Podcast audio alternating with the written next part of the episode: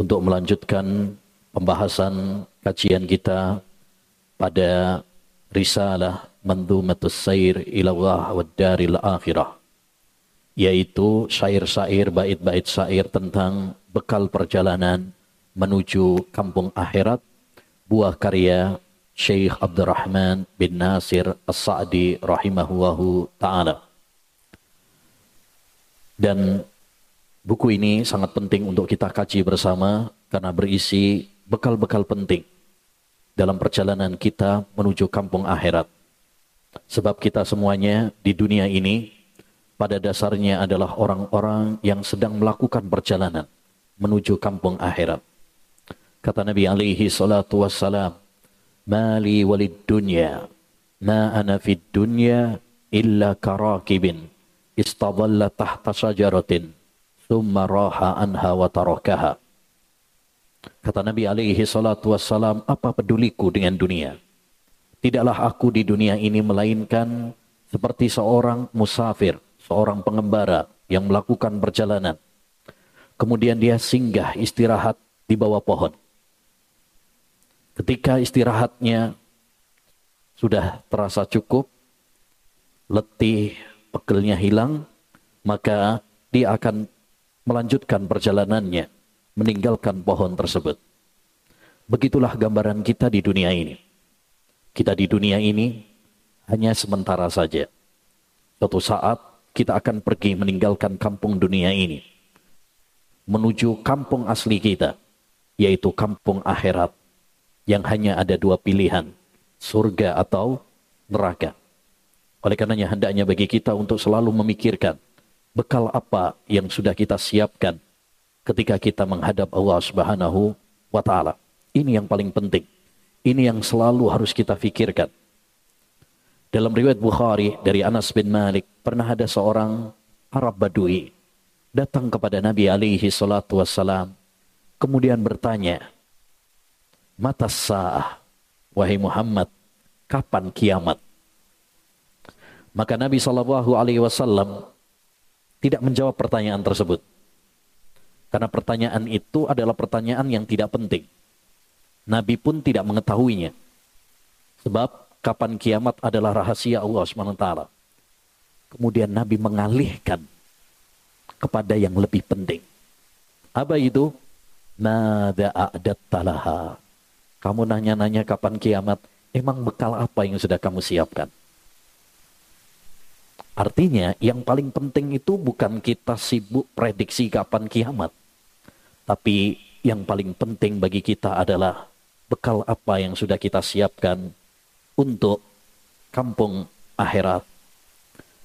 Pada pertemuan sebelumnya sudah kita bahas tentang bekal-bekal penting dalam perjalanan menuju kampung akhirat yaitu ibadah kepada Allah Subhanahu wa taala, iman, amal saleh. Kemudian ya bekal ikhlas dan ittiba. Bagaimana kita beribadah ikhlas semata-mata karena Allah Subhanahu wa taala. Kemudian berusaha beribadah sesuai dengan tuntunan Rasulullah sallallahu alaihi wasallam. Lalu yang ketiga, bekal al-khauf war raja. Bahwa dalam beribadah kepada Allah hendaknya bagi kita untuk selalu takut. Takut kalau amal kita tidak diterima.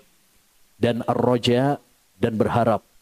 Berharap kalau amal kita diterima oleh Allah Subhanahu wa taala. Kemudian juga yang sudah kita bahas adalah dalam ibadah kepada Allah Subhanahu wa taala hendaknya bagi kita untuk cinta kepada Allah Subhanahu. Berupaya bagaimana kita menggapai cinta Allah Subhanahu wa taala. Lalu yang kelima, Bekal penting selanjutnya adalah hendaknya bagi kita senantiasa menyibukkan waktu kita, membasahi lisan kita dengan zikir kepada Allah Subhanahu wa taala. Selanjutnya kita lanjutkan yang keenam kata beliau yataqarrabuna ilal maliki bi fi'lihim ta'atihi wa tarki lil isyani. Mereka yaitu orang-orang yang sedang melakukan perjalanan menuju kampung akhirat, mereka mendekatkan diri kepada Al-Malik, Sang Raja, yaitu Allah Subhanahu wa taala. Ini salah satu nama dari nama-nama Allah Subhanahu wa taala. Ada Al-Malik, ada Al-Malik, ada Al-Malik. Ada tiga. Ya. Malik, Malik sama Malik. Ya, tiga-tiganya adalah nama Allah Subhanahu wa taala yang berarti bahwa Allah Subhanahu wa taala adalah raja yang merajai langit dan bumi, dunia dan akhirat. Mereka yaitu orang-orang yang bertakwa kepada Allah, orang-orang yang sedang melakukan perjalanan menuju kampung akhirat, mendekatkan diri mereka kepada Allah Subhanahu wa taala dengan cara bifi'lihim ta'atihi wa tarki lil isyani. Dengan cara melaksanakan ketaatan kepada Allah dan meninggalkan kemaksiatan kepada Allah Subhanahu wa taala. Dan inilah takwa. Takwa bukan hanya sholat dan puasa saja. Takwa itu adalah ketika seorang hamba menjalankan apa pun yang Allah Subhanahu wa taala wajibkan kepadanya. Dan tatkala seorang hamba meninggalkan apa pun yang Allah Subhanahu wa taala larang kepadanya. Itulah takwa kepada Allah Subhanahu wa taala.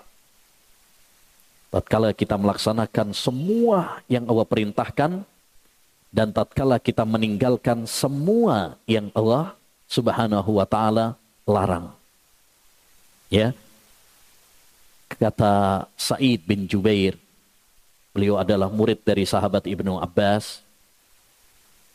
Kata beliau, orang yang melaksanakan ketaatan kepada Allah itulah zikir.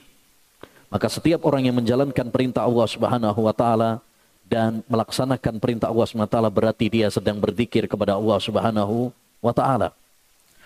Ya.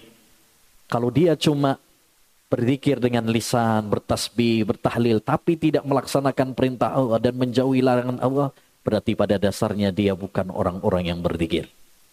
Kalau ada orang yang Masya Allah rajin sholat, rajin berzikir dengan lisannya, tapi dia sering menerjang larangan-larangan Allah, meninggalkan, melalaikan perintah-perintah Allah, sejatinya dia bukanlah orang-orang yang sedang berzikir kepada Allah Subhanahu wa taala.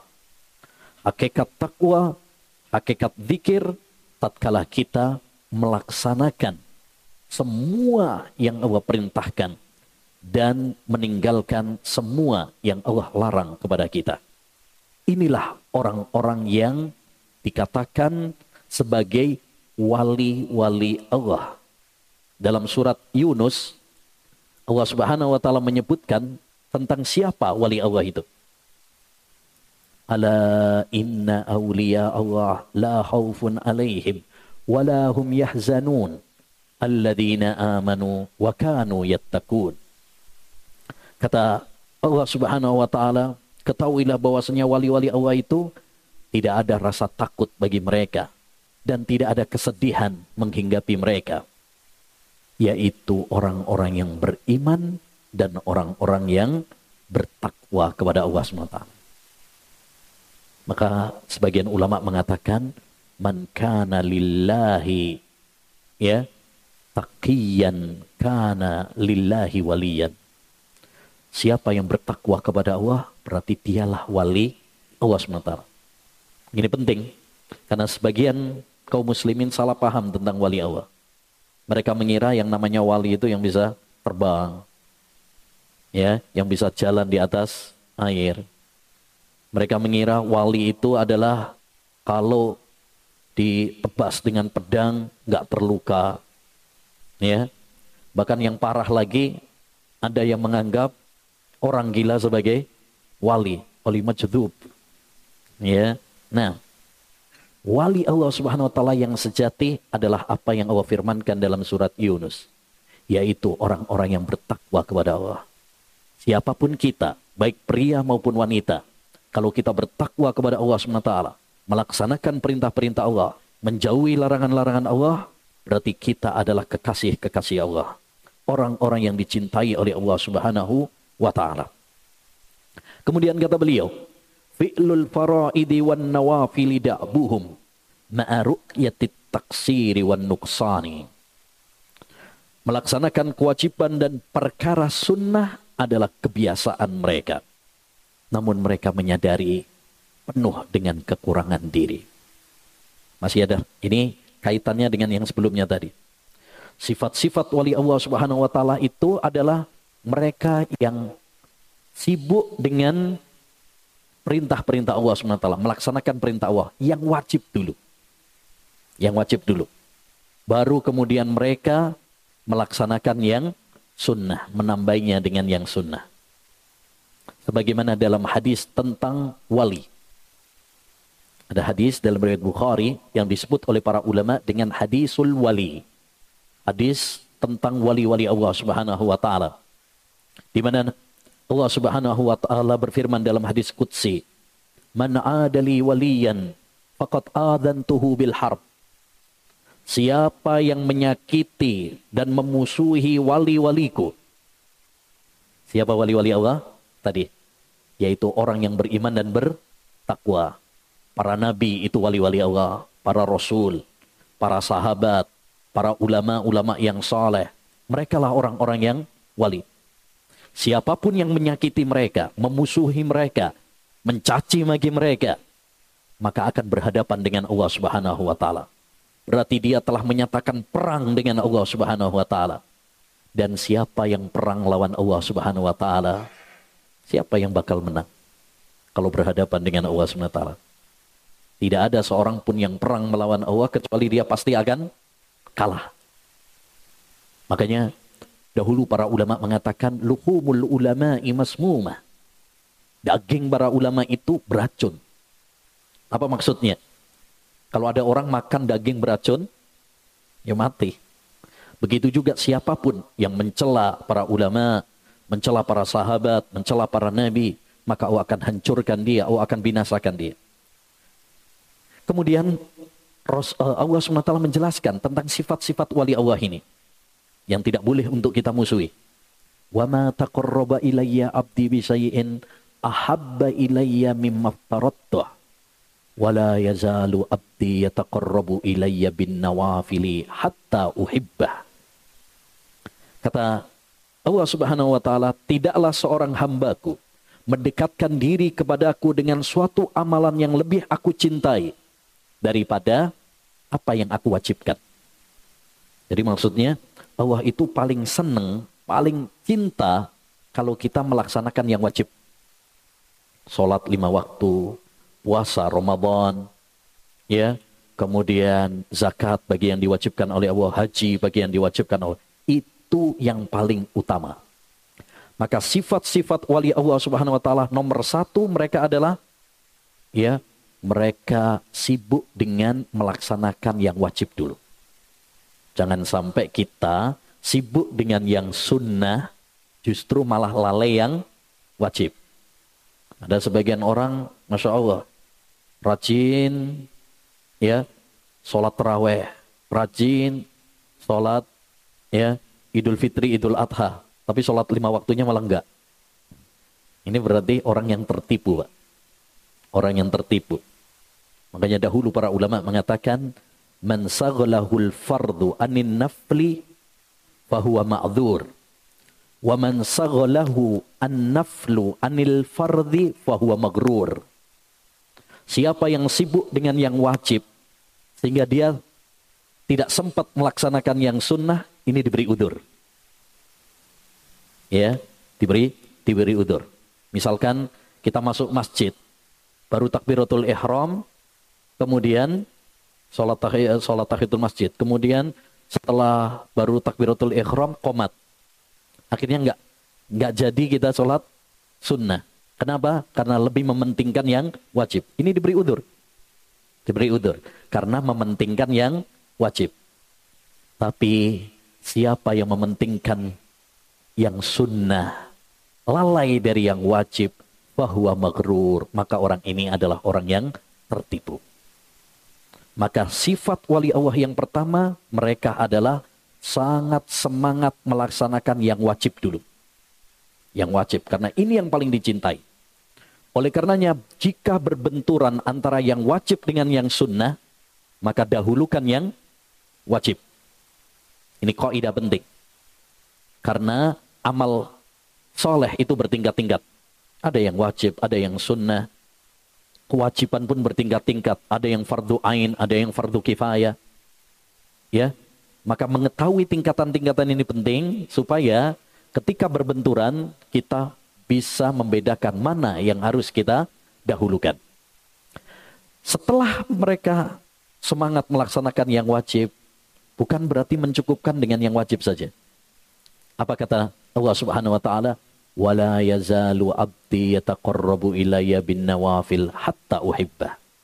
Hambaku senantiasa semangat melaksanakan yang sunnah sehingga aku pun cinta kepadanya.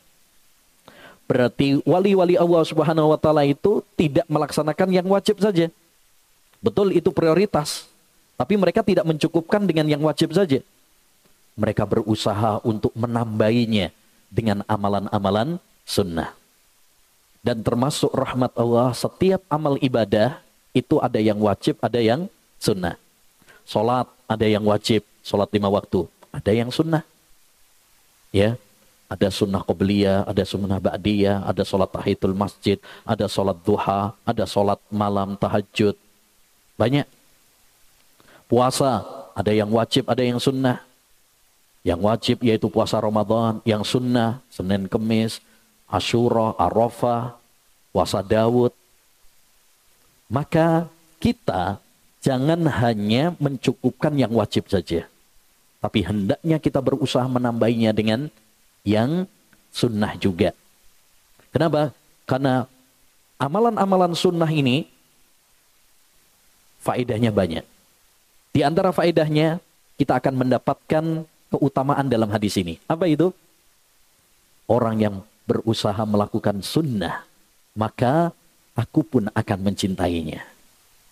Berarti salah satu kiat supaya kita meraih cinta Allah Subhanahu wa taala, supaya disayang sama Allah Subhanahu wa taala, tatkala seorang hamba di samping melakukan yang wajib, dia juga rajin melakukan yang sunnah. Yang kedua di antara keutamaan melakukan sunnah, amalan-amalan sunnah ini bisa menambal kekurangan-kekurangan yang ada dalam wajib. Ya, Pak, orang itu walaupun dia sudah berusaha seoptimal mungkin dalam beribadah kepada Allah, pasti ada kekurangannya. Sholat misalkan, walaupun kita sudah berusaha melaksanakan sholat yang terbaik, terhusuk, sebisa kita, tetap harus kita akui masih ada kekurangannya. Pasti itu. Kita tidak boleh ucup, wah ini sholat saya pasti diterima. Nggak boleh. Pasti ada kekurangannya. Itulah kenapa setelah sholat kita dianjurkan untuk istighfar. Astagfirullah, astagfirullah. Padahal habis sholat. Ya, agar seorang hamba selalu merasa bahwa ibadah yang dia lakukan ya tetap ada kekurangannya. Nah, untuk menambal kekurangan ini, salah satunya adalah dengan yang sunnah. Makanya dalam sebuah hadis, Rasulullah SAW menjelaskan, yang pertama kali besok dihisap adalah sholat. Kalau sholatnya baik, ya dilihat dulu sama Allah SWT yang wajib. Kalau ada yang kurang, maka Allah SWT mengatakan dia ada amalan sunnahnya apa tidak? Kalau ada amalan sunnahnya, maka ini bisa menambal kekurangan-kekurangan tadi. Ya, dan inilah medan untuk berlomba-lomba di dalam kebaikan. Berlomba-lomba dalam kebaikan itu dengan melakukan yang sunnah. Kalau yang wajib itu Pak, nggak perlu berlomba-lomba. Karena semuanya memang wajib melakukan. Perlombaan yang sesungguhnya itu adalah perlombaan dalam amal-amal yang sunnah. Amal-amal yang sunnah. Kalau yang wajib nggak perlu berlomba-lomba. Kenapa nggak perlu berlomba-lomba? Karena memang wajib. Semua orang wajib melakukan. Ya, tapi yang paling penting dalam perlombaan itu adalah perkara yang sunnah. Ya, semakin kita semangat dalam melakukan sunnah, menunjukkan semakin kuat iman kita, semakin tinggi kualitas ketakwaan kita kepada Allah Subhanahu wa taala. Sekalipun demikian, perhatikan kata beliau, ma'aru'yatit taksiri wan nuksani. walaupun mereka semangat melakukan yang wajib, berikut juga semangat melakukan yang sunnah, tapi mereka selalu menyadari ya bahwa mereka masih penuh dengan kekurangan. Inilah sifat mukmin sejati. Walaupun dia sudah berusaha semaksimal mungkin dalam ibadah, dia tetap merasa dirinya masih kurang amalnya. Masih banyak salahnya.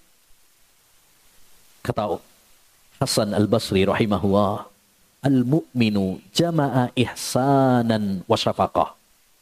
Seorang mukmin itu menggabung antara dua hal. Apa? Yaitu dia berusaha melakukan amal-amal kebaikan, tapi dia juga takut. Takut kalau amalnya nggak diterima sama Allah Subhanahu wa taala. Berbeda dengan orang munafik. Wal munafiku jama'a isa'atan wa amna. Berbeda dengan orang munafik. Orang munafik itu menggabung dua hal juga. Antara kemaksiatan dan merasa aman. Dia banyak maksiat, dia banyak dosa, tapi merasa aman merasa bahwa dirinya adalah calon-calon penduduk surga.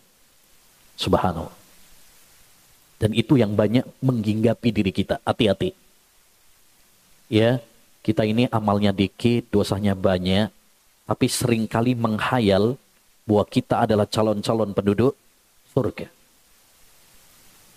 Ya, padahal dahulu Nabi Adam alaihi salam dikeluarkan oleh Allah Subhanahu wa taala dari surga hanya karena satu dosa. Sedangkan kita banyak melakukan dosa tapi udah merasa apa? Ya ujub dengan amal kita. Allah ya ikhwan amal kita dikit. Dosa kita banyak. Amal kita yang sedikit pun gak ada jaminan bahwa amal kita diterima oleh Allah SWT. Maka jangan pernah kita ujub dengan amal perbuatan kita. Orang mukmin yang sejati dia semangat beribadah kepada Allah, semangat beramal saleh, tapi dia merasa amalnya masih sedikit, masih kurang, dosanya yang banyak. Sehingga apa? Dia selalu merendah di hadapan Allah Subhanahu wa taala. Pernah dikatakan kepada Sa'id bin Jubair, siapakah orang yang paling ahli ibadah itu? Man a'badun nas? Siapa orang yang paling ahli ibadah itu?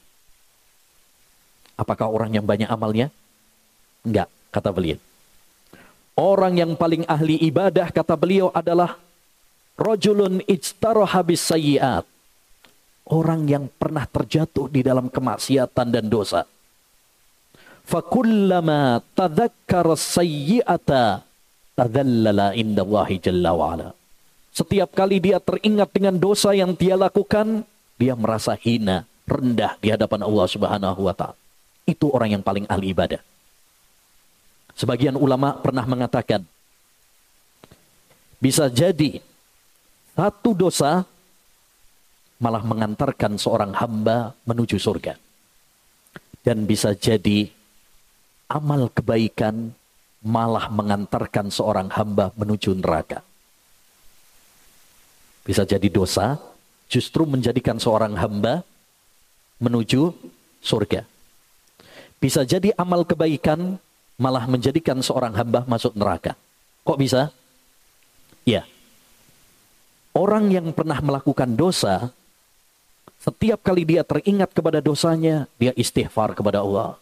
Dia bertobat kepada Allah SWT. Dia merasa rendah di hadapan Allah Subhanahu wa taala. Sehingga dia pun memperbaiki dirinya. Sehingga dia pun istighfar, taubat kepada Allah Subhanahu wa taala.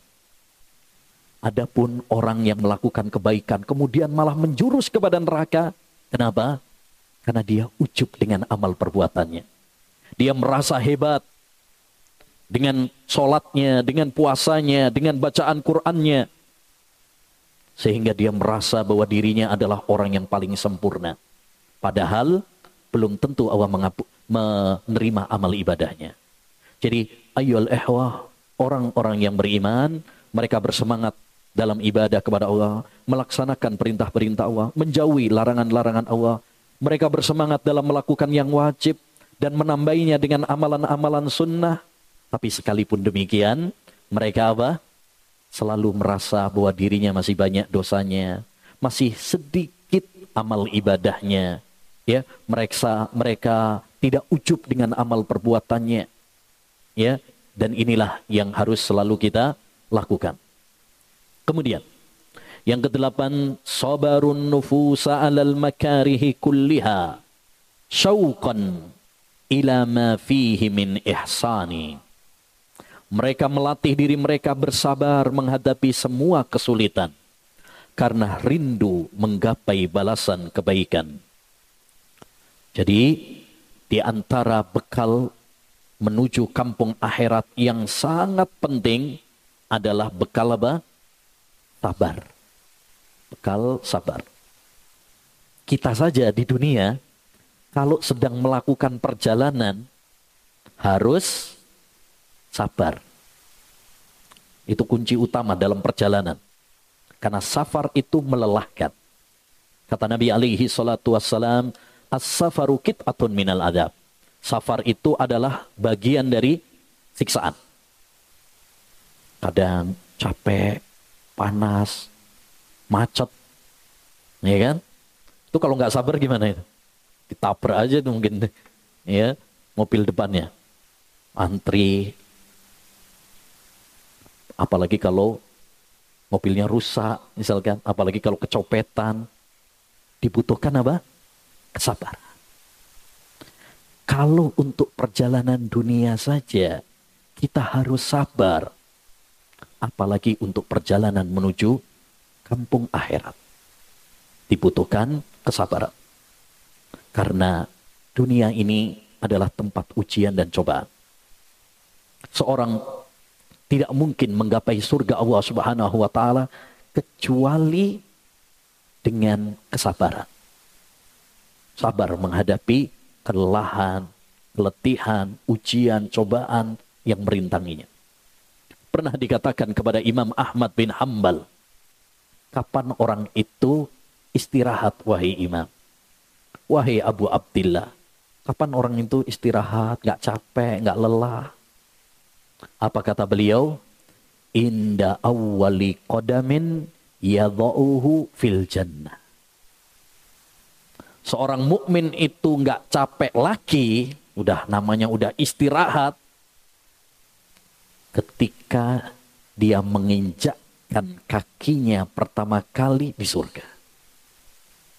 Itu baru udah nggak ada capek itu. Adapun di dunia ini, dunia ini memang tempatnya untuk berlelah-lelah. Surga tidak didapatkan dengan santai-santai. Tapi surga didapatkan dengan keletihan, kesabaran. Makanya dalam ayat Al-Quran, Allah subhanahu wa ta'ala berfirman, ya, ketika Allah Subhanahu wa taala menjelaskan tentang kenikmatan surga dalam Al-Qur'an. Ya, kata Allah Subhanahu wa taala di dalam Al-Qur'an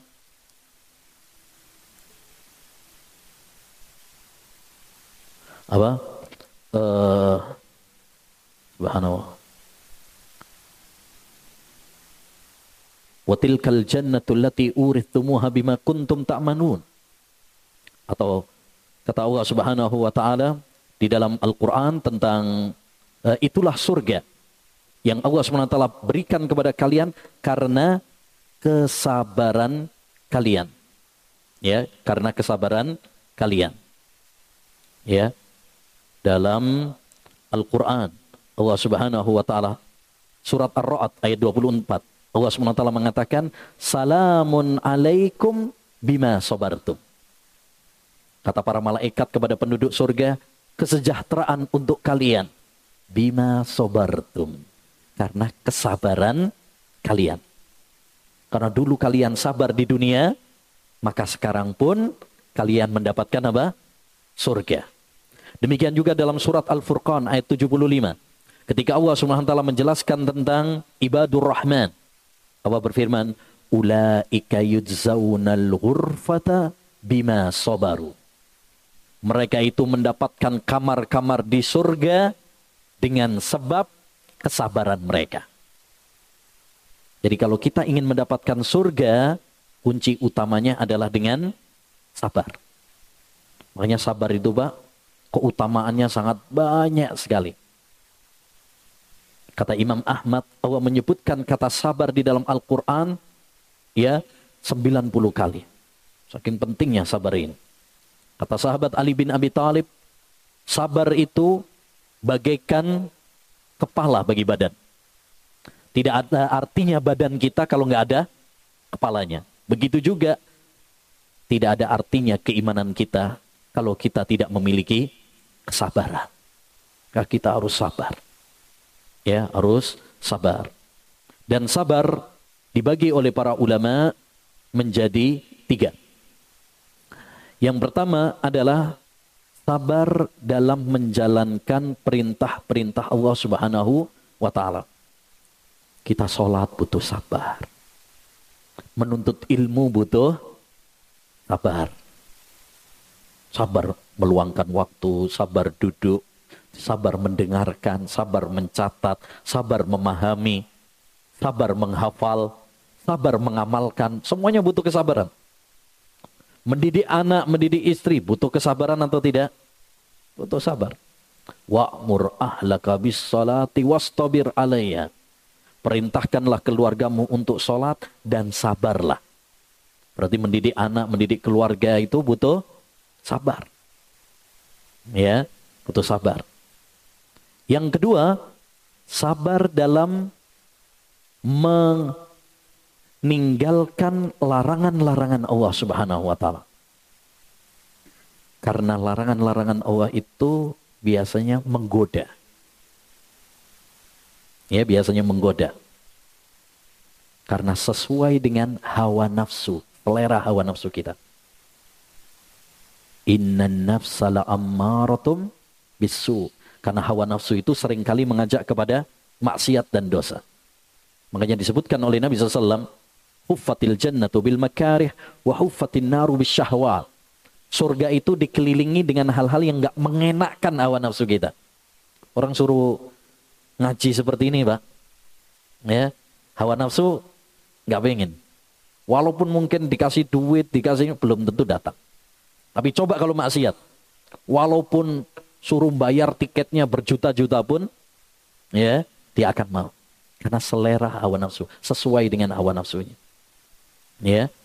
Nah, makanya dibutuhkan kesabaran dalam meninggalkan ya larangan-larangan Allah Subhanahu wa taala. Harus jihad melawan hawa nafsu. Walladzina jahadu fina lanahdiyannahum subulana. Orang-orang yang berjuang melawan hawa nafsunya, kami akan berikan kemudahan hidayah kepadanya. Lebih-lebih kalau udah kecanduan. Wah ini perlu perjuangan ekstra. Ya, orang misalkan mau meninggalkan uh, narkoba dan dia kecanduan. Wah itu berat perjuangan. Tapi itulah kesabaran.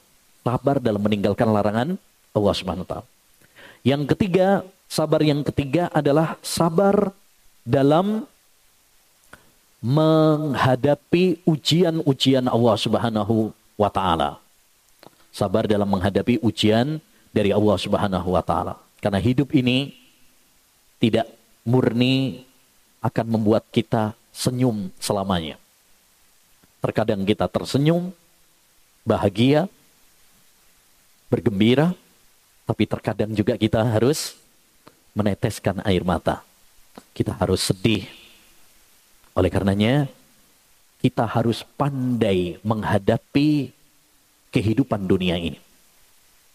Kalau kita mendapatkan nikmat, bersyukurlah. Kalau kita mendapatkan ujian, sabarlah. Itulah kunci kebahagiaan dalam hidup. Kalau kita memiliki syukur dan memiliki sabar. Sebagaimana kata Nabi alaihi salatu wassalam, ajaban li amril mu'min Inna amrohu kullahu khair. Sungguh indah urusan orang yang beriman. Semua urusannya baik baginya. In asabat usarra usyakara fakana khairan lahu. Kalau dia mendapatkan nikmat dia bersyukur dan itu baik baginya. Wa in asabat dharra usabara fakana khairan lahu. Kalau dia mendapatkan musibah dia sabar dan itu baik baginya. Maka bersabarlah ketika kita menghadapi ujian kalau ini kita terapkan, hidup kita akan bahagia. Hanya seorang mukmin harus tegar, harus kuat, apa pun yang menimpa dirinya, ya percayalah Allah Subhanahu wa taala akan bersama kita. Jangan cengeng, jangan stres, galau, apalagi bunuh diri hanya gara-gara ujian dan cobaan yang Allah berikan kepada kita. Hanya orang-orang lemah imannya yang ketika diuji oleh Allah Subhanahu wa taala kemudian dia stres, galau, apalagi bunuh diri. Makanya di negara-negara kafir banyak pem, uh, bunuh diri. Kenapa? Lemahnya iman. Adapun orang-orang yang kuat imannya, mereka adalah orang-orang yang kuat. Ya, apalagi kadang-kadang cuma cobaannya sepele. Hanya diputusin pacarnya, bunuh diri. Hanya gara-gara di PHK, bunuh, bunuh diri. Hanya karena dibully netizen, bunuh diri. Banyak kasus seperti itu. Ya, tapi orang-orang yang beriman, masya Allah, mereka menghadapi hidup ini apa? Santai. Kalau dia mendapatkan nikmat dari Allah Subhanahu wa taala, dia bersyukur. Kalau dia mendapatkan ujian, dia bersabar. Hidupnya tenang. Hidupnya ya bahagia. Baik. Berikutnya.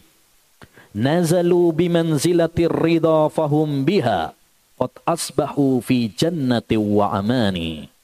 Mereka singgah di rumah keridoan sehingga mereka pun terasa berada di surga dengan kenyamanan. Ini yang disebut dengan ridho dan ridho itu tingkatannya lebih tinggi daripada sabar. Ridho itu lebih tinggi daripada sabar. Sabar itu mengerem diri kita ketika mendapatkan musibah. Kita rem ya supaya tidak mengatakan ucapan-ucapan yang kotor. Supaya tidak melakukan hal-hal yang dilarang oleh syariat. Sebagian orang misalkan ketika uh, diuji oleh Allah SWT, dia mungkin memukul pipinya, merobek-robek bajunya, mengurai rambutnya, ya, melukai dirinya. Nah itu uh, kita menahan diri kita dari ucapan dan perbuatan yang dilarang oleh Allah itu namanya sabar. Tapi kalau ridho itu tingkatannya lebih tinggi. Dia ridho, nerima dengan apa yang telah Allah Subhanahu wa taala takdirkan kepadanya. Dia percaya bahwa apa pun yang Allah takdirkan adalah yang terbaik untuknya. Wa asa an takrahu syai'an wa huwa khairul lakum wa asa an tuhibbu syai'an wa huwa syarrul lakum wallahu ya'lamu wa antum la ta'lamun. Kata Allah Subhanahu wa taala bisa jadi kalian membenci sesuatu padahal itu baik bagi kalian. Dan bisa jadi kalian mencintai sesuatu padahal itu buruk bagi kalian. Allah mengetahui sedangkan kalian tidak mengetahui. Dahulu Dahulu ada seorang wanita di zaman Nabi SAW, seorang sahabiyah bernama Khawlah. Bernama Khawlah. Atau Khonsa. Nah, ada Dia memiliki tiga anak. Laki-laki. Ya, memiliki tiga anak laki-laki. Pada saat perang Qadisiyah, dia menyuruh anaknya di barisan terdepan. Jangan pernah mundur. Insya Allah. Ketika sampai kabar kepadanya setelah peperangan, sampai kabar kepadanya bahwa tiga anaknya tersebut gugur. Seorang ibu ditinggal tiga anaknya. Biasanya apa? Ya, namanya seorang ibu, anaknya mati, sedih, ya bahkan sebagian mungkin nggak mau makan ngumpet di rumahnya aja ya. Nah tapi bukan dengan khonsa atau khawla.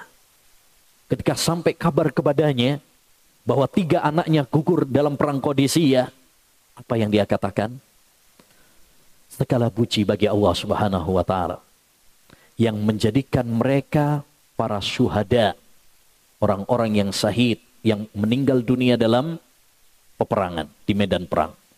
Dan semoga Allah SWT mengumpulkan saya dengan mereka di surganya. Ini yang namanya Bapak ridho. Dia bukan hanya sekedar sabar, tapi dia ridho dengan ketentuan Allah Subhanahu wa taala.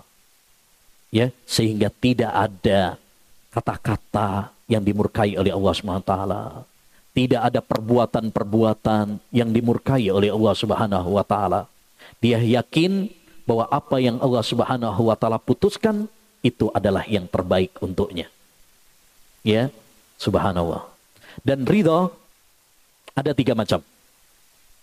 Yang pertama adalah ridho dengan melaksanakan perintah-perintah Allah Subhanahu wa taala dan meninggalkan larangan-larangan Allah Subhanahu wa taala. Diridho dengan syariat Allah Subhanahu wa taala. Dan ini wajib dilakukan oleh seorang hamba. Kita semuanya wajib ridho, nerima dengan syariat Allah SWT. Fala wa rabbika la yu'minun hatta yuhakkimuka fima shajara bainahum summa la yajidu fi anfusihim harajan mimma qadait wa yusallimu taslima. Demi Rabbmu, tidaklah mereka beriman sampai mereka menjadikan engkau wahai Muhammad sebagai hakim dalam masalah yang mereka perselisihkan kemudian mereka tidak mendapati dalam diri mereka keganjalan dengan keputusanmu. Mereka pasrah, tepasrah pasrahnya. Surat An-Nisa ayat 65. Jadi sikap seorang mukmin itu apa? Pasrah, tunduk, patuh. Dan itulah muslim. Muslim itu artinya apa? Muslim orang yang tunduk, orang yang patuh. Apa pun yang Allah perintahkan, dia terima bukan ngeyel, bukan menggugat, tetapi mereka pasrah. Sami'na wa atokna. Bukan sami'na wa ngeyelna. Ya. Bagian orang ketika Allah memberikan keputusan, oh tunggu dulu. Ini sesuai nggak dengan hawa nafsunya? Subhanallah. Kita saja kalau ke dokter, tuh nurut sekali sama dokter. Ya, disuruh ya buka bajunya mau disuntik? Mau. Dikasih obat? Mau. Padahal pahit. Ya. Kalau kita begitu tunduk nerima kepada dokter kenapa kita tidak tunduk kepada Allah Subhanahu wa taala yang tidak mungkin salah? Dokter masih bisa salah. Ya sehebat apa pun dokter pasti ya ada salahnya. Tapi Allah Subhanahu wa taala tidak pernah salah Lantas kenapa kita tidak tunduk kepada perintah Allah SWT, syariat Allah SWT. Yang kedua, ridho dengan takdir-takdir Allah Subhanahu wa taala. Ya, ujian dan cobaan yang Allah berikan kepada seorang hamba. Kita pun harus ridho. Terkadang kita diuji, mungkin orang-orang yang kita cintai meninggal dunia, baik itu istri kita, anak kita, orang tua kita, atau diuji dengan pekerjaan kita, seretnya rizki kita. Mungkin kita dikasih sakit, karena ujian orang berbeda-beda. Kita pun ridho dengan keputusan Allah Subhanahu wa taala. Kita percaya bahwa apa pun yang Allah Subhanahu wa taala putuskan itulah yang terbaik bagi kita. Ya. Kalau kita dikasih musibah, Oh itu untuk mengingatkan saya. Supaya saya ingat sama Allah SWT.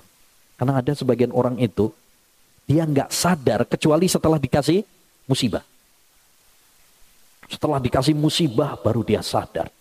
Sebelumnya dia sombong, congkak, merasa dirinya hebat. Setelah dikasih ujian sama Allah Subhanahu wa taala, baru dia sadar bahwa dirinya adalah hamba yang lemah. Ya. Yang ketiga, ma'asyiral muslimin, ridha dengan eh, hal-hal uh, yang dilarang oleh Allah SWT. Ridho dengan kekufuran, dengan kemaksiatan. Dan ini nggak boleh. Ini ridho yang tidak boleh. Makanya tidak boleh beralasan dengan takdir untuk melakukan kemaksiatan.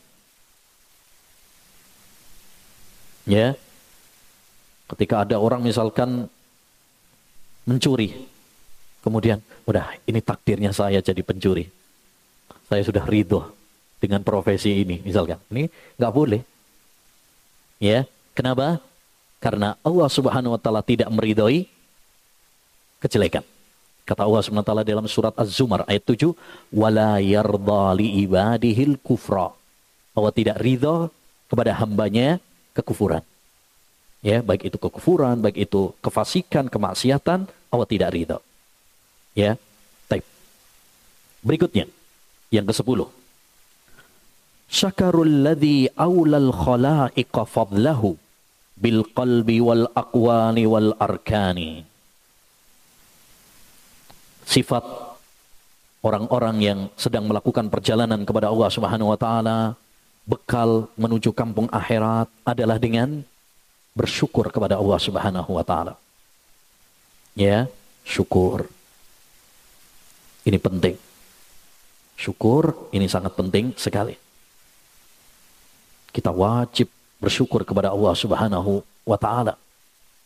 Washkuru ni'matallahi in kuntum iyyahu ta'budun.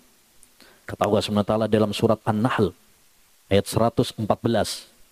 Bersyukurlah kalian terhadap nikmat-nikmat Allah Subhanahu wa taala jika kalian hanya beribadah kepadanya. Di sini washkuru bersyukurlah.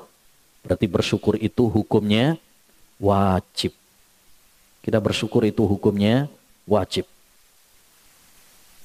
Sayangnya jarang sekali di antara hamba yang bersyukur. Wa qalilum min ibadiyah syakur. Sedikit sekali di antara hambaku yang bersyukur. Surat Saba ayat 13. Maka wajib bagi kita untuk bersyukur karena orang yang bersyukur itu manfaatnya sejatinya adalah kembali kepada dirinya. Sebab seperti yang difirmankan oleh Allah Subhanahu wa taala dalam surat Ibrahim ayat 7, apa kata Allah? La in syakartum la azidanam. Kalau kalian bersyukur, saya tambahi nikmatku kepada kalian. Jadi kalau kita bersyukur hakikatnya manfaatnya kembali kepada diri kita sendiri. Karena dengan kita bersyukur kepada Allah Swt, nikmat-nikmat yang telah Allah berikan kepada kita ini terjaga, tidak dicabut sama Allah Swt. Langgeng. Makanya syukur itu disebut oleh para ulama dengan al-hafid. Nama lain dari syukur itu dijuluki oleh para ulama dengan al-hafid. Apa al-hafid? Penjaga. Kenapa? Syukur itu disebut penjaga karena syukur itu bisa menjaga nikmat Allah supaya nggak dicabut sama Allah SWT. Pengikat supaya nikmat-nikmat yang telah Allah berikan kepada kita ini nggak dicabut sama Allah SWT. Kata Umar bin Abdul Aziz, Qayyidu an-ni'ama bisyukri. Ikatlah nikmat-nikmat Allah itu dengan syukur. Jadi kalau kita ber, bersyukur nikmat ini ya tidak dicabut oleh Allah.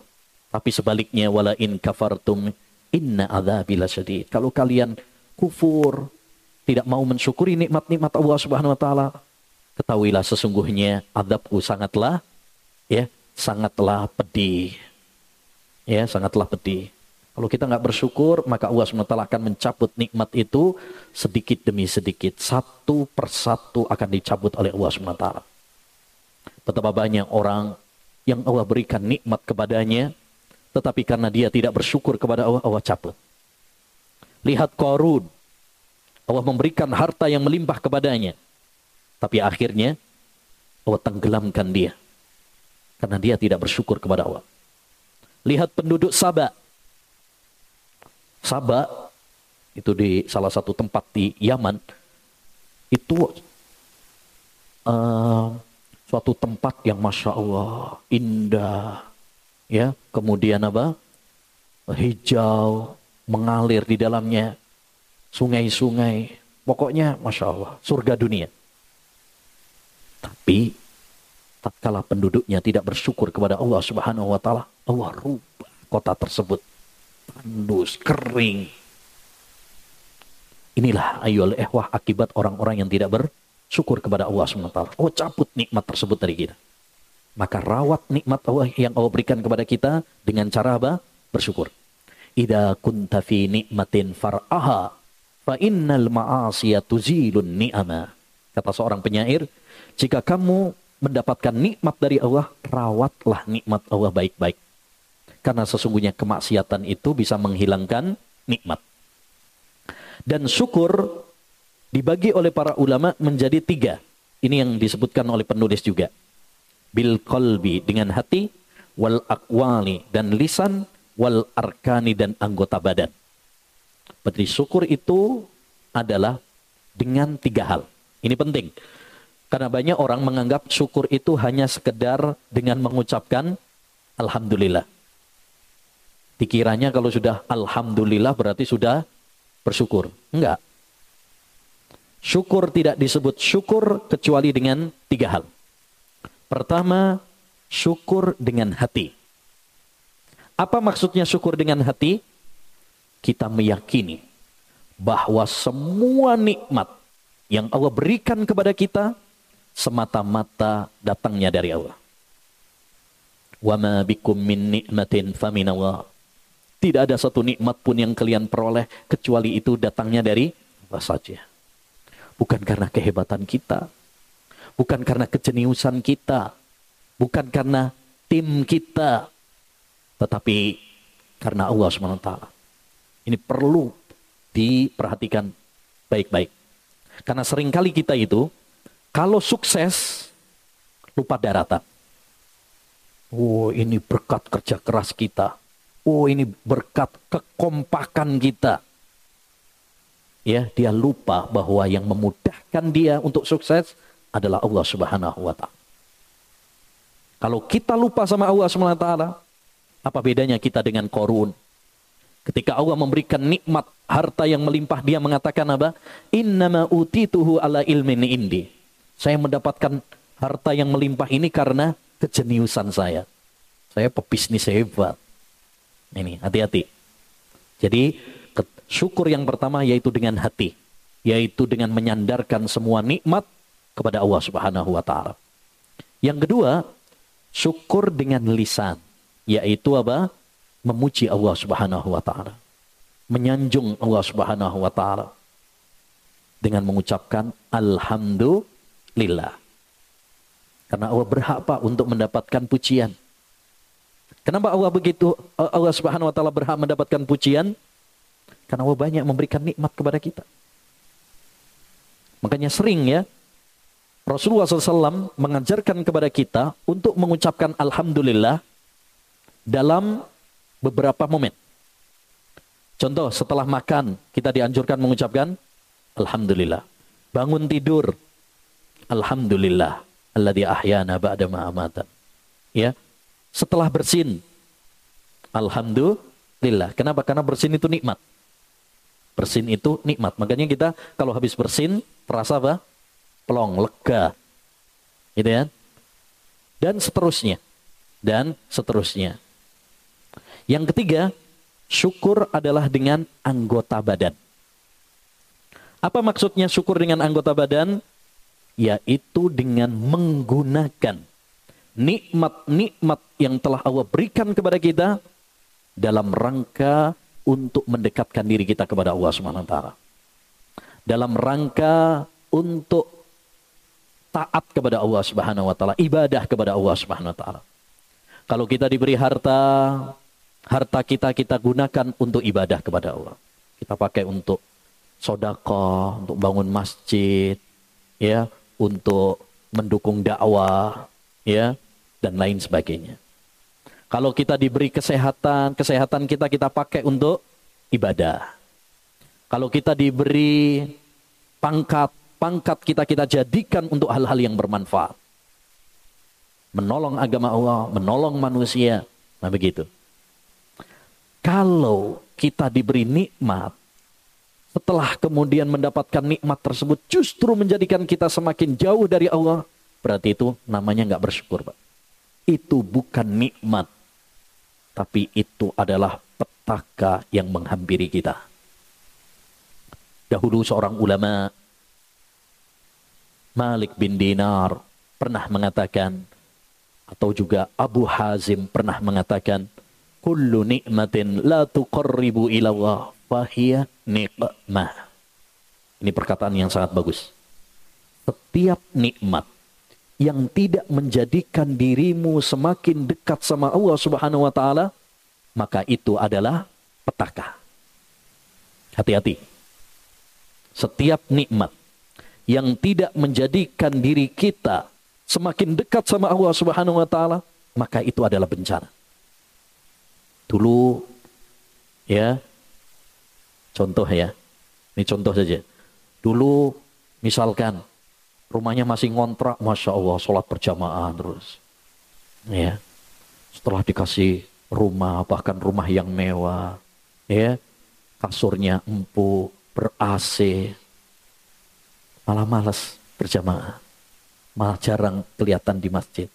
Hati-hati, jangan-jangan rumah kita bukan nikmat, tapi dia adalah petaka karena menjadikan kita semakin jauh dari Allah. Dulu belum dikasih mobil, Masya Allah. Semangat beribadah kepada Allah SWT. Setelah dikasih mobil, malah lalai dari Allah SWT. Jarang kelihatan di majelis ilmu. Hati-hati. Jangan-jangan mobilnya adalah apa? Ujian, petaka, bencana dari Allah Subhanahu wa taala. Dulu belum dikasih HP, ya. Dia aman dari fitnah, aman dari dosa. Setelah punya HP, tiap malam malah dosa. Hati-hati. Jangan-jangan HP-nya adalah apa? Ujian dan bencana dari Allah Subhanahu wa taala. Maka hendaknya bagi kita mensyukuri nikmat-nikmat Allah Subhanahu wa taala dengan tiga hal ini. Dengan hati, dengan lisan, dan dengan anggota badan. Berikutnya, bekal perjalanan menuju kampung akhirat juga adalah dengan tawakal sahibut tawakkula fi jami'i umurihim ma'a badli jahdin fi ridhar rahmani. Mereka senantiasa membawa tawakal dalam segala urusan mereka dengan mengerapkan segenap usaha dalam menggapai ridha sang maha penyayang. Tawakal. Tawakal itu artinya kita menggantungkan segala urusan kita kepada Allah Subhanahu wa taala dengan disertai usaha. Perhatikan baik-baik definisi tawakal. Menggantungkan segala urusan kita kepada Allah Subhanahu wa taala dengan disertai usaha, mengambil sebab. Jadi tawakal itu bertumpu dalam dua hal. Pertama, yaitu gantungkan segala urusannya kepada Allah Subhanahu wa taala. Ya. Dia bergantung kepada Allah Subhanahu wa taala. Yang kedua, dia juga berikhtiar, dia juga berusaha, mengambil sebab. Contoh dalam masalah rizki. Dia percaya bahwa yang memberikan rizki itu hanya Allah SWT. Sehingga dia berdoa kepada Allah SWT minta rizki. Tidak berdoa atau tidak uh, bergantung kepada yang lain. Dia nggak minta ke kuburan-kuburan, dia nggak minta ke mbah dukun untuk mendapatkan apa? Kekayaan, apalagi pesugihan dan sebagainya enggak. Dia percaya bahwa yang memberikan rizki adalah Allah SWT. Sehingga dia bergantung hanya kepada Allah. Yang kedua, dia juga tetap berikhtiar. Dia juga kerja. Jangan ngaku tawakal kalau nggak ada usaha tawakal tapi tidur doang nggak mau kerja. Itu bukan tawakal. Jadi tawakal bertumbuh dalam dua hal. Ya salah kalau orang hanya saya tawakal tawakal tapi nggak pakai usaha. Salah juga hanya orang bekerja keras ya tapi dia tidak bergantung kepada Allah swt hanya mengandalkan kepada dirinya. Seakan-akan dirinya lah yang menentukan kesuksesan. Ini juga keliru. Yang benar apa ya bergantunglah kepada Allah Subhanahu wa taala tapi juga tetap apa? berusaha. Lihat Nabi Muhammad sallallahu alaihi wasallam. Beliau orang yang paling bertawakal. Tapi apakah beliau tidak berusaha? Berusaha. Ketika perang, beliau pakai baju besi, bukan tangan kosong. Ya. Wah, saya tawakal sama Allah SWT. Udah, pasti menang. Tapi bukan berarti nggak berusaha. Beliau juga pakai strategi perang, beliau juga pakai uh, baju besi, ya itu sebagai bentuk ikhtiar. Ya, karena Rasulullah juga pernah terluka. Itu juga menunjukkan kepada kita Rasulullah itu nggak kebal. Makanya nggak perlu ilmu ilmu kebal. Ya, Rasulullah SAW juga berusaha. Ketika ada seorang yang bertanya kepada Rasulullah SAW, wahai Rasulullah, saya ikat unta saya dan bertawakal atau nggak perlu saya ikat? Pokoknya tawakal sama Allah SWT saja. Kata Nabi, ikilha wa tawakal. Ikat dulu baru kemudian apa? Tawakal kepada Allah. Ya. Nah ini, ini penting. Jadi kita dalam tawakal kepada Allah Subhanahu wa taala harus melakukan dua hal. Pertama bergantung menyerahkan segala urusan kita kepada Allah dan yang kedua adalah berusaha. Ya, karena manusia dalam masalah sebab ada yang mengingkari sebab, nggak perlu usaha-usaha, ini keliru. Dan ada orang yang bergantung kepada sebab, ini juga keliru. Ahlus sunnah tengah-tengah. Ya, ahlus sunnah tengah-tengah. Misalkan, ketika kita misalkan sakit, dokter obat-obatan itu hanyalah sebab. Tidak boleh kita bergantung kepada dokter, tidak boleh kita bergantung kepada obat-obatan. Karena sesungguhnya yang memberikan kesembuhan bukan dokter, bukan obat itu, tapi yang menyembuhkan adalah Allah SWT. Buktinya betapa banyak orang ditangani dokter, dikasih obat, tetap mati. Itu menunjukkan bahwa yang mematikan dan menghidupkan dan memberikan kesembuhan bukan mereka, tapi Allah Subhanahu wa taala. Ya. Tapi bukan berarti kemudian kita nggak melakukan sebab. Dah kita tawakal, nggak pakai dokter-dokteran. Saya nggak percaya sama mereka. Ya, nggak pakai obat-obatan. Enggak. Rasulullah yang sendiri yang menganjurkan kepada kita untuk berobat. Ya, tadawu ibadah Berobatlah kalian wahai hamba hamba Allah SWT. Ya. Nah ini. Jadi uh, seperti pas Covid kemarin. Pas Covid. Jangan kita mengingkari sebab. Doa nggak perlu vaksin, nggak perlu uh, jaga jarak, nggak perlu masker. Ini mengingkari sebab keliru. Tapi juga jangan bergantung kepada sebab. Seakan-akan kalau kita sudah vaksin, kalau kita sudah cuci tangan, kalau kita sudah maskeran berarti pasti selamat. Enggak. Banyak juga orang sudah divaksin, sudah uh, apa namanya, sudah protokol, kena juga, gitu kan? Menunjukkan kepada kita bahwa yang kuat adalah Allah. Manusia bisa berusaha, tapi yang menentukan adalah Allah SWT. Oleh karenanya hendaknya bagi seorang hamba untuk tawakal kepada Allah Subhanahu wa taala. Wa 'alallahi fatawakkalu in kuntum mu'minin. Kata Allah dalam surat Al-Maidah ayat 23. Hendaknya kalian bertawakal kepada Allah saja. Ini kalau kita perhatikan dalam ayat Al-Quran ini, wa Allah hanya kepada Allah saja. Ini menunjukkan bahwa tawakal hanya khusus diberikan kepada Allah. Nggak boleh kepada yang lain. Jika kalian benar-benar ber, beriman. Jika kalian benar-benar beriman. Dan siapa yang bertawakal kepada Allah, maka Allah akan mencukupinya. Wa man yatawakkal 'ala Allah hasbuh. Dalam surat At-Talaq Allah berfirman ayat 3, siapa yang bertawakal kepada Allah maka Allah akan memberikan kecukupan kepadanya. Jadi nggak usah takut, ya, tapi bergantunglah kepada Allah SWT. Dari sinilah ikhwan, kenapa kita dilarang untuk percaya kepada tiaroh.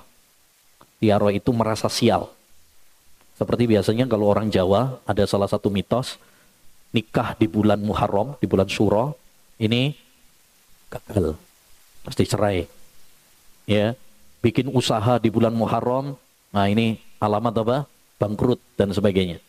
Ini dilarang di dalam Islam. Kenapa? Karena ini bertentangan dengan tawakal. Kita harus tawakal kepada Allah Subhanahu wa taala, bergantung kepada Allah, bukan percaya kepada khurafat-khurafat dan mitos-mitos yang tidak ada ya, yang tidak ada acuannya, pegangannya. Berikutnya. Ihsan. Abadul ilaha ala tiqadi khudurihi fatabawwa'u fi manzilil ihsani. Mereka beribadah kepada Allah dengan keyakinan kehadirannya. Mereka pun singgah di rumah derajat al-ihsan. Ini salah satu derajat yang tertinggi dalam agama. Yaitu derajat apa? Ihsan.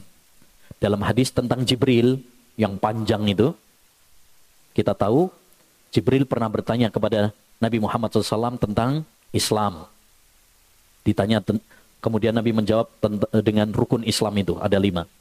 Kemudian setelah itu bertanya tentang iman. Dijawab oleh Nabi, rukun iman ada enam itu. Kemudian bertanya tentang ihsan. Makanya agama itu dibangun di atas tiga ini. Islam, iman, dan ihsan. Derajat yang paling tinggi adalah ihsan. Apa itu derajat ihsan? Anta abudallaha ka'annaka tarah. Fa illam takun tarahu fa innahu yara. Kamu beribadah kepada Allah seakan-akan kamu melihatnya. Kalau kamu tidak melihatnya, percayalah Allah melihat. Artinya, derajat ihsan adalah kita selalu merasa diawasi sama Allah SWT. Ini yang disebut oleh para ulama dengan murokobah. Murokobah itu kita selalu merasa diawasi sama Allah SWT di mana pun kita berada. Masya Allah. Ini kalau kita sudah sampai kepada derajat ini Pak. Ini derajat yang paling tinggi Pak. Dan ini sangat penting sekali untuk kita tanamkan dalam diri kita. Selalu merasa diawasi oleh Allah SWT. Terutama zaman sekarang Zaman di mana pintu-pintu kemaksiatan dan dosa terbuka lebar. Kalau kita tidak merasa diawasi sama Allah SWT, hancur diri kita. Kita akan mudah terjerumus di dalam jerat-jerat setan. Karena sekarang itu orang melakukan dosa gampang banget. Di kamar sendirian bisa melakukan dosa. Ya. Dengan mudah. Kalau kita tidak merasa diawasi sama Allah SWT, maka kita akan terjerumus dalam jerat-jerat setan. Oleh karenanya hendaknya bagi kita untuk selalu merasa diawasi sama Allah Subhanahu wa taala dan itulah derajat ihsan. Ya. Kemudian berikutnya nasahul khaliqata fi ridha mahbubihim bil ilmi wal irsyadi wal ihsani. Mereka memberikan nasihat kepada makhluk untuk menggapai ridho kekasih mereka dengan ilmu, nasihat, dan berbuat baik. Kemudian yang ke-14, tuh saling berkaitan. Sahibul khalaiqa bil jusumi wa innama arwahuhum fi manzilin fauqani. Mereka bersahabat bersama makhluk dengan jasad mereka, namun ruh mereka di rumah yang tinggi. Jadi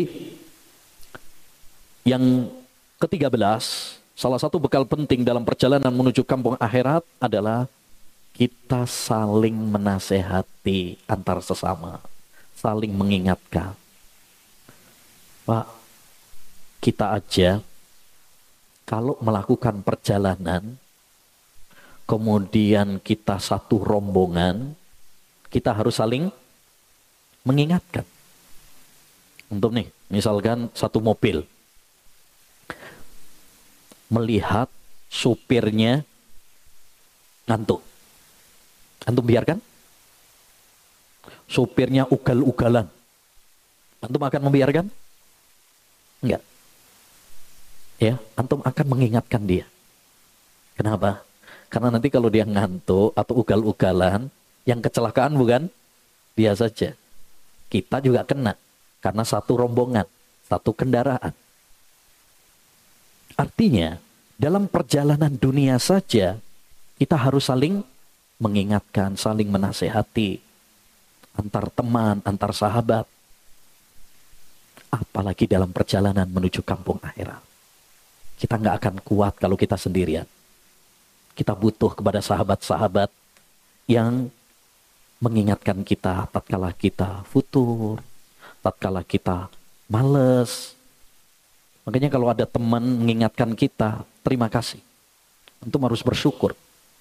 Teman yang baik itu bukan teman yang selalu menyetujui apa pun yang kita lakukan. Tapi teman yang baik adalah yang bisa negur kita tatkala kita lalai. Mengingatkan kita tatkala kita salah. Menggandeng kita menuju kebaikan dan menuju surga. Itu teman yang baik. Ya. Kalau kita mencari teman hanya sekedar untuk rame-rame saja sesuai dengan selera hawa nafsu kita, itu bukanlah teman yang baik. Kullu jalisin la tastafidu minhu khairan fajtanibhu. Setiap teman yang kamu tidak mengambil faedah darinya, maka jauhi dia, tinggalkan teman seperti ini. Ya, Nabi Shallallahu Alaihi Wasallam mengatakan almaru ala dini khalilih, falyandur ahadukum man yukhalil. Orang itu berdasarkan agama temannya. Maka perhatikan dengan siapa dia berteman. Dalam perjalanan kita butuh teman. Nabi SAW dahulu ketika melakukan perjalanan dari Mekah ke Madinah, hijrah, butuh teman. Tapi dia cari teman yang baik. Siapa?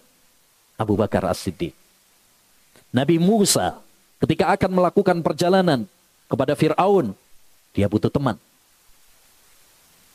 Ya, dia nggak mau sendirian. Karena berat kalau sendirian. Dia cari teman. Siapa? Harun. Berarti kita pun demikian. Dalam perjalanan kita menuju Allah Subhanahu wa taala, kita butuh teman. Tapi teman yang baik. Enggak kita harus selektif. Makanya teman itu kata Imam Ibnul Qayyim ada tiga. Ada teman seperti madu, seperti makanan yang bisa menjadi vitamin bagi kita. Meningkatkan energi kita. Cari teman-teman seperti ini yang bisa menambah baiknya iman kita, akhlak kita, semangat ibadah kita. Yang kedua ada teman seperti racun, tinggalkan, jauhi teman-teman seperti ini. Yang kalau kita berteman dengan mereka tambah rusak kita akidah kita, akhlak kita, ibadah kita. Tinggalkan. Ya. Yang ketiga, ada teman seperti obat. Kapan kita minum obat? Kalau pas butuh saja. Kalau nggak butuh, nggak perlu obat. Pahit.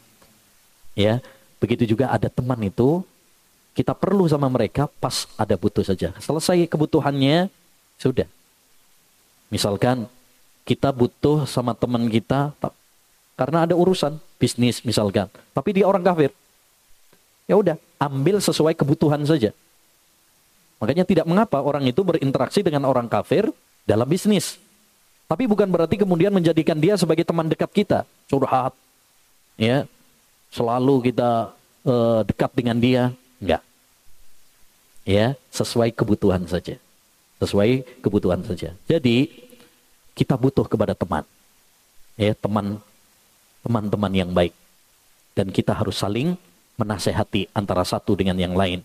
Dengan ilmu, dengan uh, apa lemah lembut, saling mengingatkan, bukan dengan cara-cara yang kasar, bukan dengan kata-kata yang menyakitkan. Jadi kita harus saling melengkapi, harus saling menyayangi. Di antara kita, ya, saling bergandengan tangan, di antara kita sebagaimana kata Hasan Al-Basri ya ahlas sunnah tarahamu fima bainakum fa innakum aqallun nas wahai ahlus sunnah hendaknya kalian saling menyayangi di antara kalian karena kalian adalah orang yang paling sedikit jumlahnya jangan sampai kita ini udah dikit musuhan lagi cakar-cakaran di antara kita ya. apalagi ini tahun politik saya ingatkan jaga persatuan di antara kita Jaga persahabat di antara kita.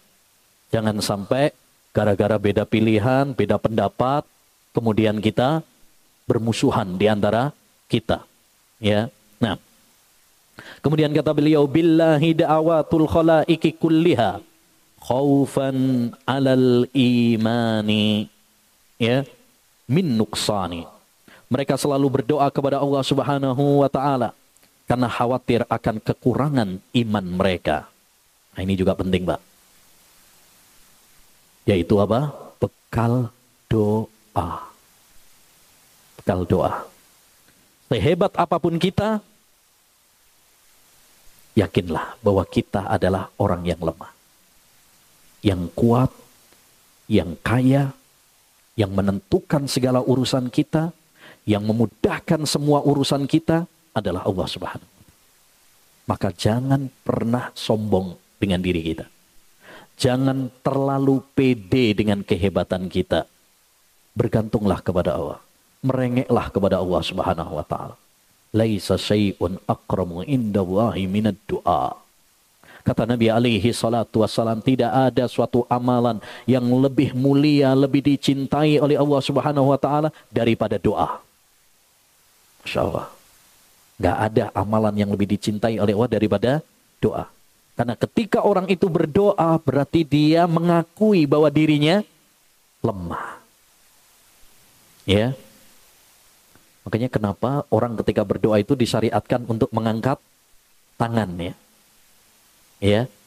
Seperti seorang pengemis ketika dia minta sesuatu, dia mengangkat tangannya.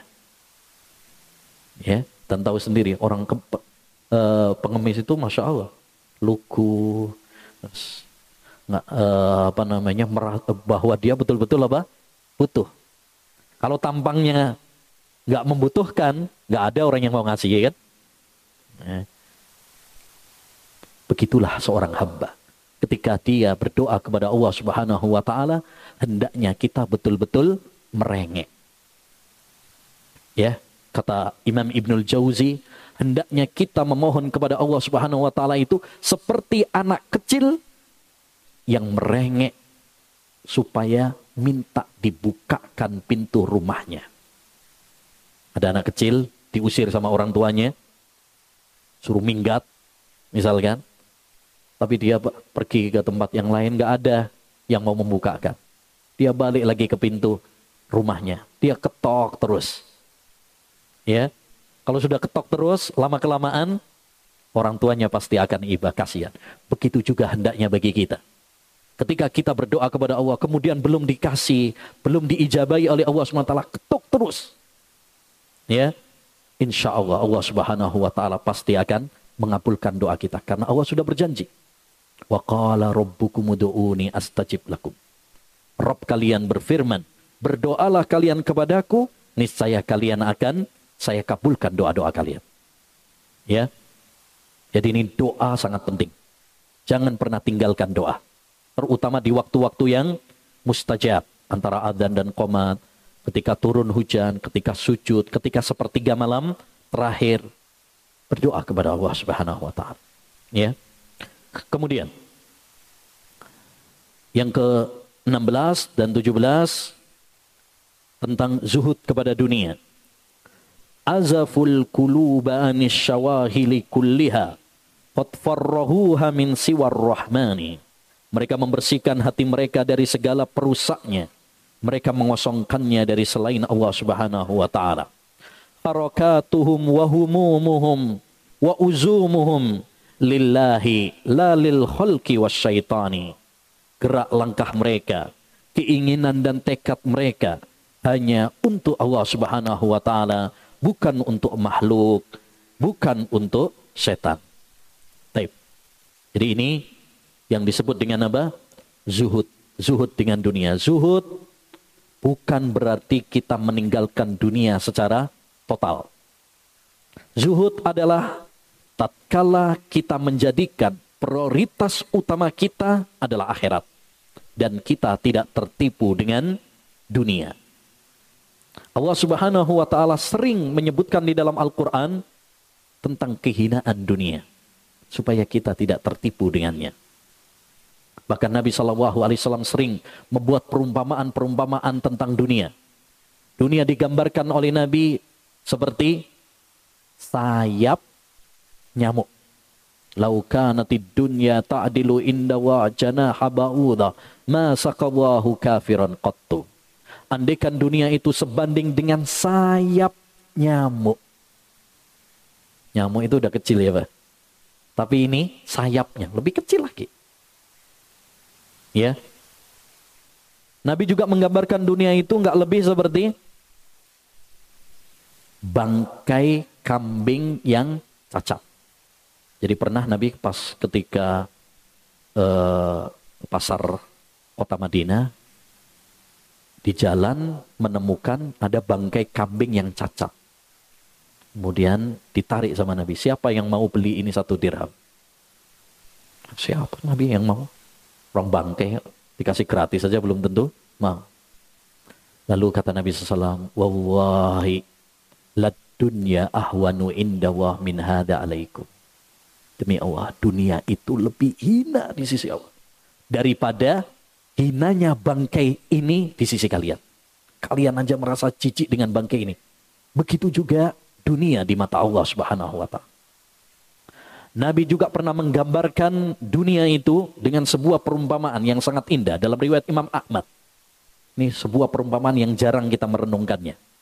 Ya, Nabi menggambarkan dunia itu seperti makanan yang kita makan. Inna mat'ama ibni Adam ju'ila mathalan lid dunya. Apa yang dimakan oleh anak Adam itulah perumpamaan dunia kata Nabi. Wa in qazzahu wa mallahahu fandur madha yasir. Sekalipun dia menggaraminya, sekalipun dia membumbuinya, pikirkanlah. Toh akhirnya jadinya juga apa? Jadinya apa Pak? Jadinya kotoran. Seenak apa pun makanan tersebut. Selezat apa pun makanan tersebut. Coba makanan apa paling enak di Bandung? Somai? Nih? Batagor? Hah? Turen? Oh, Masya Allah. Turen. Enak apa pun makanan tersebut, kata Nabi, kita suruh memikirkan. Toh nanti akhirnya juga jadi apa? Jadinya kotoran. Begitulah dunia. Kita udah capek mengejarnya, mati-matian, ya, beras keringat, banting tulang, sampai remuk semuanya tulangnya. Ya, setelah kita dapatkan, toh nanti jadinya akhirnya apa? Kita pasti akan meninggalkan. Pasti kita akan meninggalkannya. Karena kita semuanya pasti akan mati. Kullu nafsin dha'iqatul maut. Setiap yang bernyawa pasti akan mati. Bukan berarti zuhud itu kita meninggalkan dunia secara total tidak. Tapi jadikan dunia ini hanya sekedar sebagai jembatan menuju akhirat. Jadikan dunia di tangan kita. Tapi akhirat di hati kita.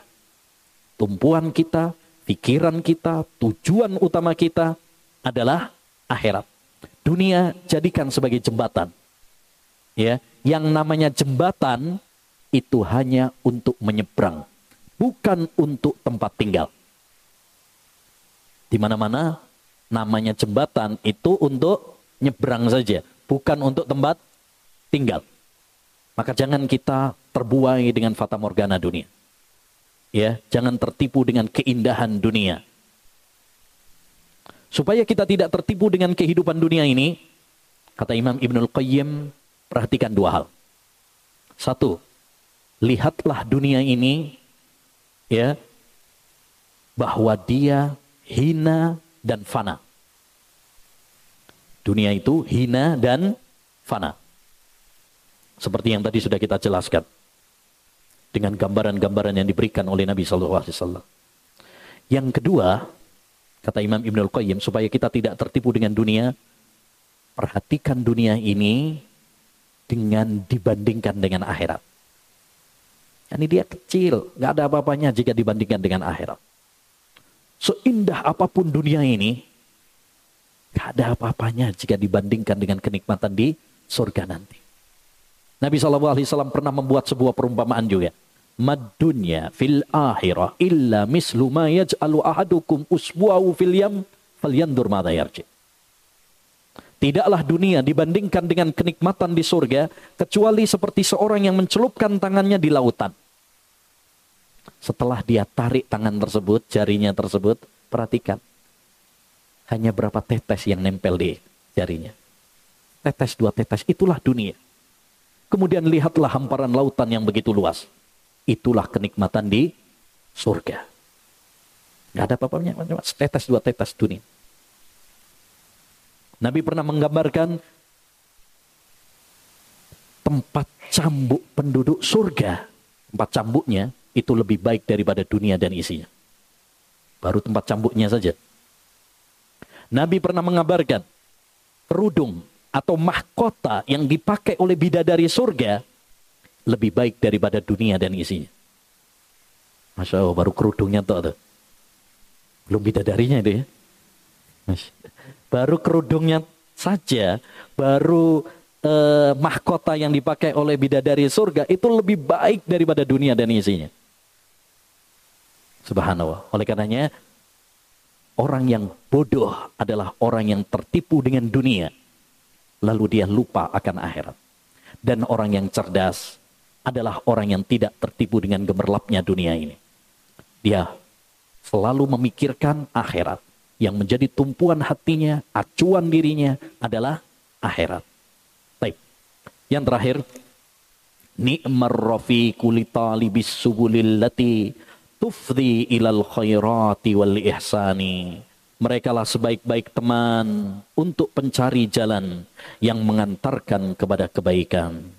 Ya, jadi kita semuanya butuh teman, ya, yakni orang-orang yang bertakwa, seperti yang sudah disebutkan oleh penulis, ya mereka bertakwa, mereka sabar, mereka berdoa dan sebagainya. Mereka lah sebaik-baik teman, para nabi, para sahabat. Maka jadikan mereka sebagai idola kita. Jadikan mereka sebagai figur kita. Jadikan mereka sebagai cerminan hidup kita. Ya, makanya kalau kita ingin istiqomah, salah satunya adalah dengan cara apa? Mengikuti jejak Nabi dan para sahabat. Kalau kita ingin masuk surga, tirulah orang-orang yang dijamin masuk surga. Orang-orang yang istiqamah di atas Islam, istiqamah di atas Al-Quran, dan di atas sunnah Nabi Shallallahu Alaihi Wasallam. Ya. Jadi intinya kalau kita pengen masuk surga, pengen ke akhirat dengan bekal yang paling penting, ya, tirulah mereka orang-orang yang bertakwa, orang-orang yang beramal soleh, yang memiliki bekal-bekal ini. Jadikan mereka sebagai ya uh, idola kita. Makanya kita penting ya untuk mencari idola yang baik. Jangan salah idola, Pak. Sebagian orang, terutama zaman kita sekarang ini, salah idola. Idolanya siapa? Idolanya artis. Idolanya bintang film. Idolanya pemain bola. Orang kafir kalian. Ronaldo, Messi, wah itu yang dijadikan idola. Salah. Idola kita adalah orang-orang yang dijamin masuk surga. Para nabi, para rasul, ya, para sahabat. Itu yang harus menjadi idola kita. Ya, sehingga kita mencintai mereka, kita meneladani mereka, kita berdoa supaya kita bisa bertemu dengan mereka nanti di surga. Nabi SAW pernah bersabda, Al-mar'u ma'aman ahabba. Orang itu akan dikumpulkan bersama orang yang dia cintai. Jangan sampai salah idola. Karena nanti kita akan dikumpulkan bersama idola kita. Walhamdulillah. Selesai sudah pembahasan kitab mandumatus sair ilallah wa daril akhirah. Insyaallah taala pada pertemuan berikutnya kita akan membahas kitab asli. Jadi kemarin itu sebenarnya mau membahas kitab tentang uh, eh, 40 hadis dalam kesucian hati. Ya, cuma kemarin belum selesai. Masih proses petak. Jadi untuk sementara pakai buku ini dulu. Insyaallah mulai pertemuan berikutnya kita akan membahas buku 40 hadis seputar kesucian hati atau kesucian jiwa. Mudah-mudahan apa yang telah kita pelajari bermanfaat bagi kita semuanya dan semoga kita semuanya termasuk orang-orang yang uh, dimaksud oleh penulis yaitu orang-orang yang berbekal menuju kampung akhirat dengan iman, dengan amal saleh dan dimatikan oleh Allah SWT di atas iman dan amal saleh. Demikian yang bisa disampaikan. Uh, mohon maaf atas segala kekurangan dan kesalahan. Kita tutup dengan doa kafaratul majlis. Subhanakallahumma bihamdika. Asyhadu an la ilaha illa anta. Astaghfiruka wa atubu ilaih. Assalamualaikum warahmatullahi wabarakatuh.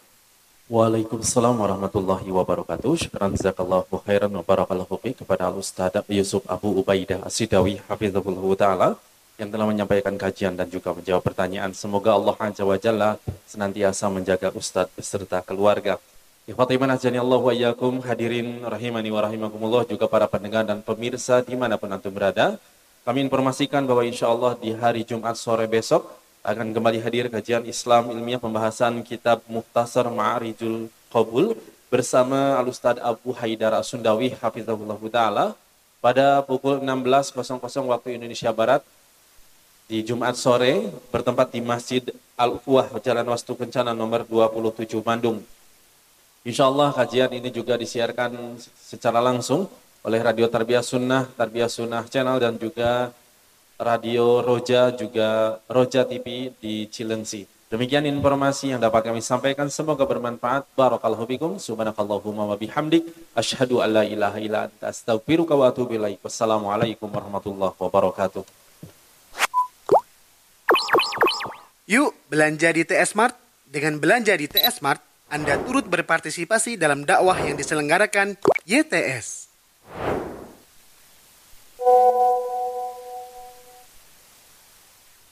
Download aplikasi Tarbiyah Sunnah di handphone Anda. Tersedia di Google Play dan App Store.